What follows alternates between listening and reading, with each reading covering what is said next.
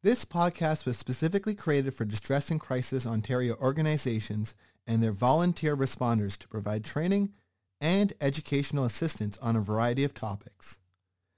As information evolves and changes, these podcasts are meant to offer ongoing support with the goal of updating them on an ongoing basis. We thank the volunteer responders and the contributors to this podcast. Please visit our website, dcontario.org, for more information and how to access free mental health services. Thank you.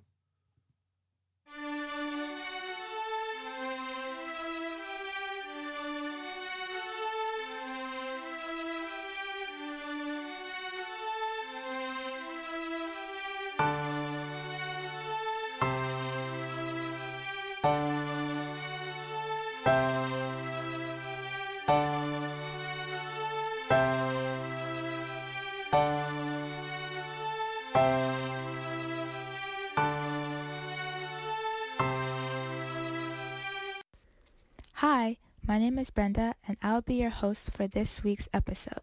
I am currently a BSW student completing my placement at Distress and Crisis Ontario. In this week's episode on gratitude, I'll be interviewing Zamina. She is an administrative assistant at the Delton Glebe Counseling Center. Stay tuned to hear how gratitude has had a powerful impact in her life. Enjoy! Hi, Zamina. Thank you so much for taking time out of your day to do this podcast interview with me.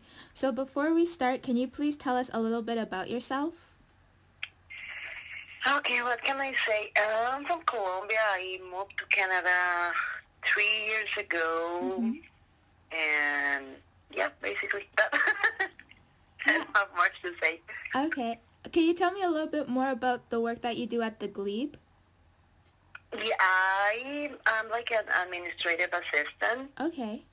So I work with, yeah, like taking the in the phone call, like organizing a schedule. hmm So yeah, it's basically like a secretary job. Nice.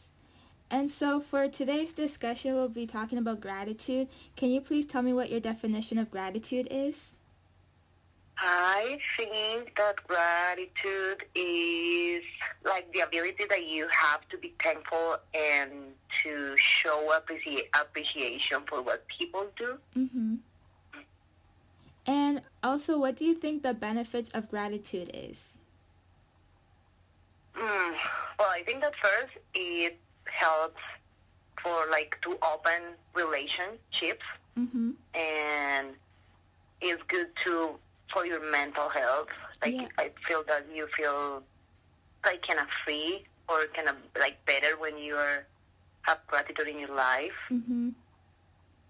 Yeah. And so since uh, you moved um, from Colombia to here, have you used like gratitude to be able to form relationships while you've been here? Has it been easy for you? Can you tell me a little bit about that? Yeah, actually, it's like a it's, it has been amazing to see how people here help us Mm-hmm. um, and has like that empathy with us, thinking that, for example, my mom doesn't speak uh, English, Mhm. and when she's alone in a grocery store or something, people try to help her. Mm-hmm.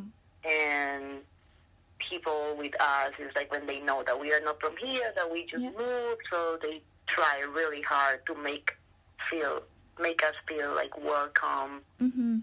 so yeah, we are really thankful for that because it's it's hard to move from another country to at, at this one and this one, especially because it's too different from mine. Like Yeah. mine, even the weather is different. Mm-hmm.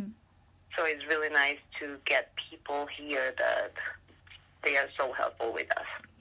That's good to hear that you get help around the community. Um, and how can you we cultivate gratitude in our lives? Like How what can can, we I- uh what, how sorry? how can we cultivate gratitude in our lives? I don't understand you. Uh so like how can we practice it in our life? Oh, okay.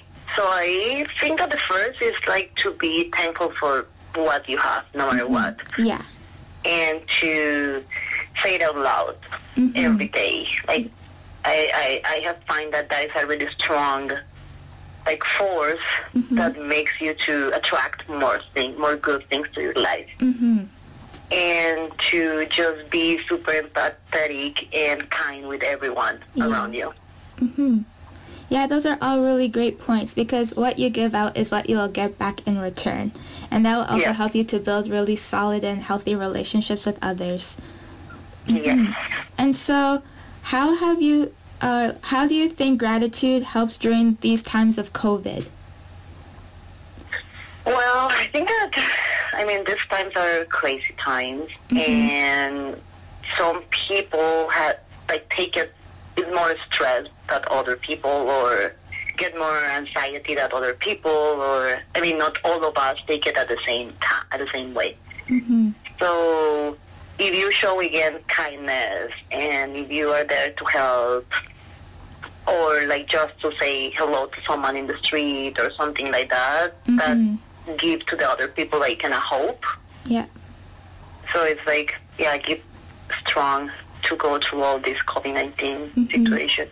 Yeah, I like how you mentioned hope because going through this whole pandemic, it can feel so hopeless because we never, we don't know when it's ever gonna end, and people are losing their jobs. People aren't able to see each other as they've been able to in the past. So yeah, that sense of hope is gone. But being able to practice gratitude, it helps to restore that hope, like you've said. Yes, that's true. Hmm. And I know you mentioned how um, you experience gratitude when people help you out when you're out and about or like with your mom. But do you have any other stories about how gratitude has impacted your life or do you have an experience with gratitude that you want to share? Uh, well, yes, my father was in the hospital last year, in the Grand River Hospital, and again, he doesn't, he didn't speak English, so we were really scared about him staying there alone Mm-hmm. at night because we we were not allowed to stay with him, Okay.